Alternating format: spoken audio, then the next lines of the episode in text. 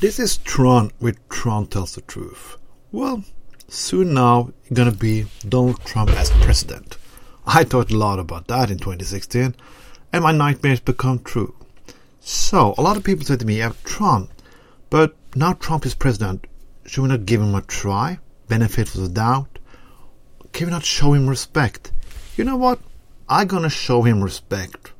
I'm gonna give him the same amount of respect as all you conservatives gave Obama. I can twice that respect you gave Obama. I'm gonna do that respect to all 2017, 18, 19, and 20 till this motherfucker ass is out of the White House. Yes, I'm gonna do that.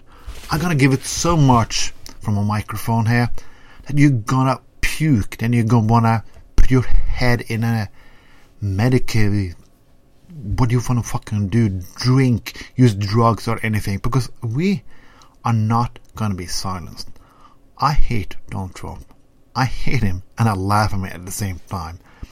When I laugh at him because he says so much stupid things. And when I laugh at him, I think about you. You who voted for him. And think that he's gonna do anything for you. Yes, you know what he's gonna do? He's gonna make you fill his wallet he gonna cut your Medicare. He gonna cut your Obamacare. He gonna cut you fucking down, you stupid motherfuckers. And we liberals or progressives and or what you want to call us, socialists, I don't give a fuck what you call us. We're gonna give him the same respect you gave Obama. And if you have very short memory, as I know you have, here is what we're going to show him of respect you know the birth movement. Oh, nothing gonna, gonna good come out of that, did it?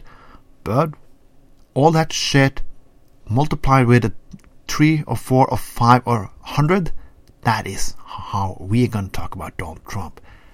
Well, talking about Trump is too easy. For us as doing social commentary or comedy or what do you call it, it's too easy. It's like going to a five year old and steal his candy. It's so fucking easy. It's not challenge.